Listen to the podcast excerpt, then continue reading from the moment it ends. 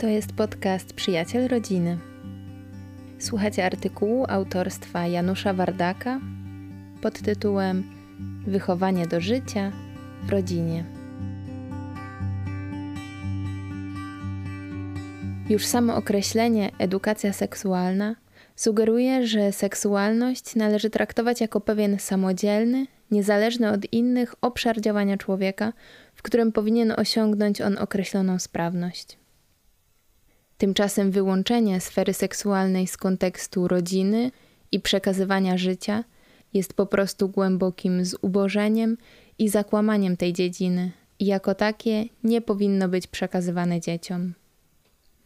To bowiem rodzina jest najbardziej podstawową, a jednocześnie, jak wykazują badania, najbardziej efektywną komórką społeczną, w której mogą przyjść na świat i wychowywać się obywatele państwa i jako taka powinna być przez państwo chroniona i promowana. Rodzina jest też najlepszym miejscem, w którym dzieci powinny nauczyć się, czym jest miłość, rodzina, skąd biorą się dzieci i jak należy o rodzinę dbać. Ten przekaz, podobnie jak każdy przekaz związany z wychowaniem, powinien odbywać się w dwóch obszarach: przekazu słownego i przykładu życia. Żadnego z nich nie można zaniedbywać, a jeden z nich nie może istnieć bez drugiego. Najlepszym miejscem i relacją, w jakiej dziecko powinno dowiedzieć się, skąd wzięło się na świecie, jest relacja rodzinna. Do tego konieczna jest konkretna rozmowa rodzica z dzieckiem i nie jest to temat, który można przekazać jakiejkolwiek innej osobie lub instytucji.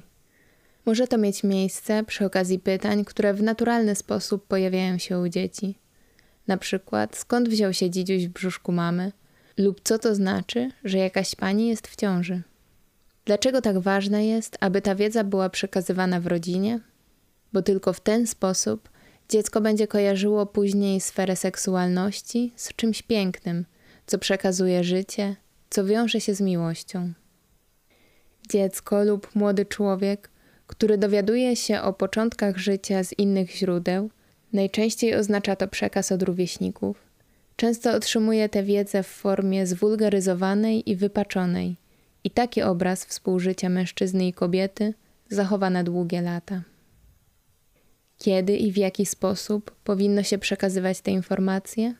Jak już wspomnieliśmy, w pierwszej kolejności warto wykorzystywać nadarzające się okazje do takiej rozmowy. Jeśli natomiast okazji nie będzie, trzeba po prostu taką rozmowę z dzieckiem przeprowadzić. Kiedy najpóźniej?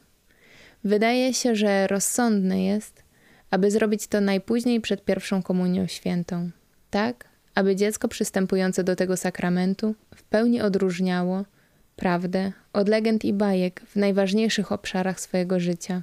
Najlepiej, aby taką rozmowę przeprowadził tata z synem i mama z córką. Jak rozmawiać?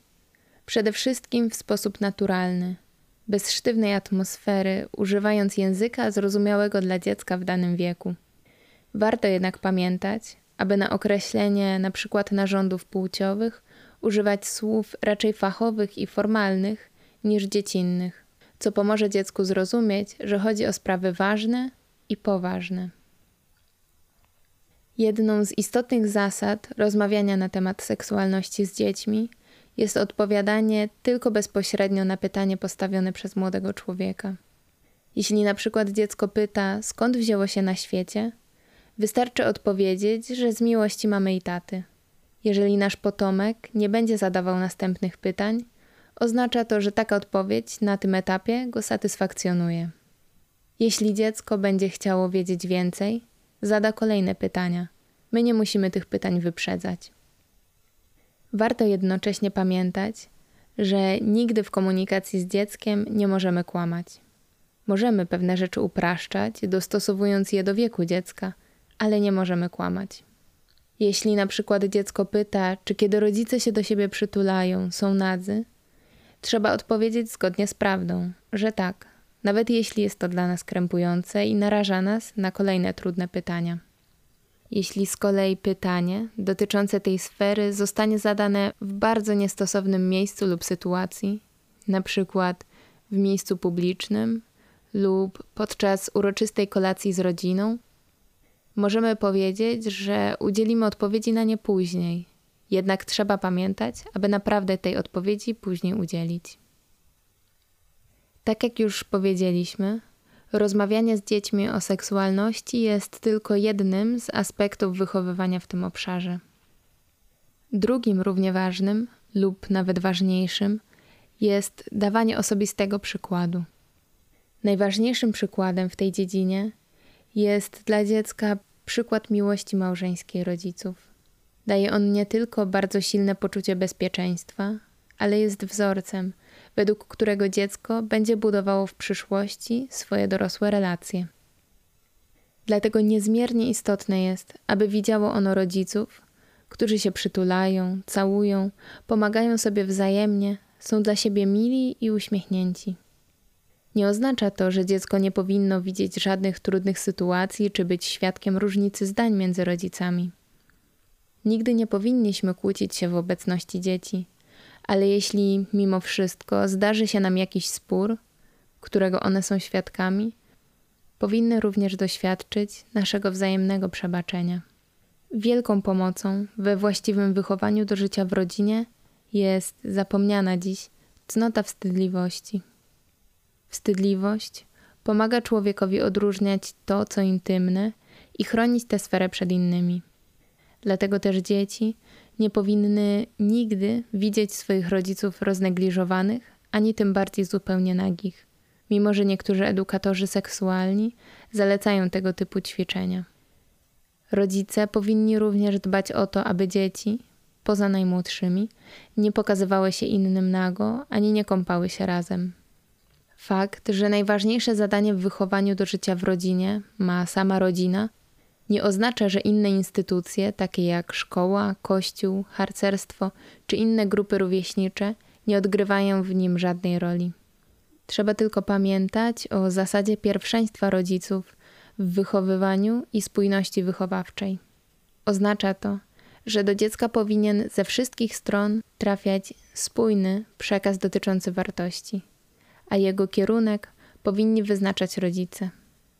Jeśli więc taki przekaz będzie spójny i zgodny z wartościami rodziny, inne instytucje mogą odgrywać bardzo istotną rolę pomocniczą.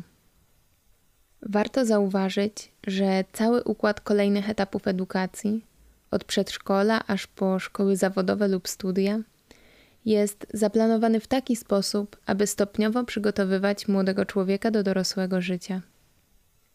Niezwykle istotnym elementem tego życia jest umiejętność współżycia w różnych grupach społecznych i budowania relacji, w tym tworzenie i utrzymywanie relacji rodzinnych. Dlatego też szkoła, której rodzice powierzają swoje dziecko na tak długi czas, nie może odżegnywać się od zadania przekazywania wartości, które pomogą przyszłym obywatelom jak najlepiej odnaleźć się w rzeczywistości rodzinnej. Jeśli natomiast zdarza się, że szkoła nie tylko nie wspiera rodziny w przekazywaniu tych wartości, lecz wręcz je podważa, ośmiesza czy też przekazuje wartości przeciwne, u dziecka powstaje zaburzony obraz świata ze sprzecznymi komunikatami płynącymi od dwóch bardzo ważnych dla niego autorytetów rodziców i szkoły. Dlatego też szkoła najlepiej spełnia swoje zadanie, kiedy, na miarę swoich możliwości, Współpracuje z rodzicami w celu kształtowania u dziecka spójnej, pozytywnej wizji rodziny, która pomoże mu lepiej funkcjonować w dorosłym życiu. Kościół doskonale uzupełnia temat przekazywania życia o jego wymiar moralny, który pomaga odnajdywać się w świecie, w którym istnieje ogromny chaos w tej dziedzinie. Inne środowiska, na przykład dobre środowiska rówieśnicze, mogą uzupełniać dobry przykład rodziców, przykładem rówieśników, który z wiekiem staje się dla młodych ludzi coraz ważniejszy. Właściwe i skuteczne wychowywanie do życia w rodzinie jest możliwe także w dzisiejszych, dość zwariowanych pod wieloma względami czasach. Jednak pierwszorzędną rolę powinni w tym obszarze odgrywać rodzice, a inne instytucje i osoby powinny ich wspierać, zawsze szanując wyznawane przez rodziców wartości. Tekst autorstwa Janusza Wardaka, opublikowany w magazynie Przyjaciel Rodziny wydawanego przez Centrum Życia i Rodziny. Nowe podcasty ukazują się w każdy poniedziałek.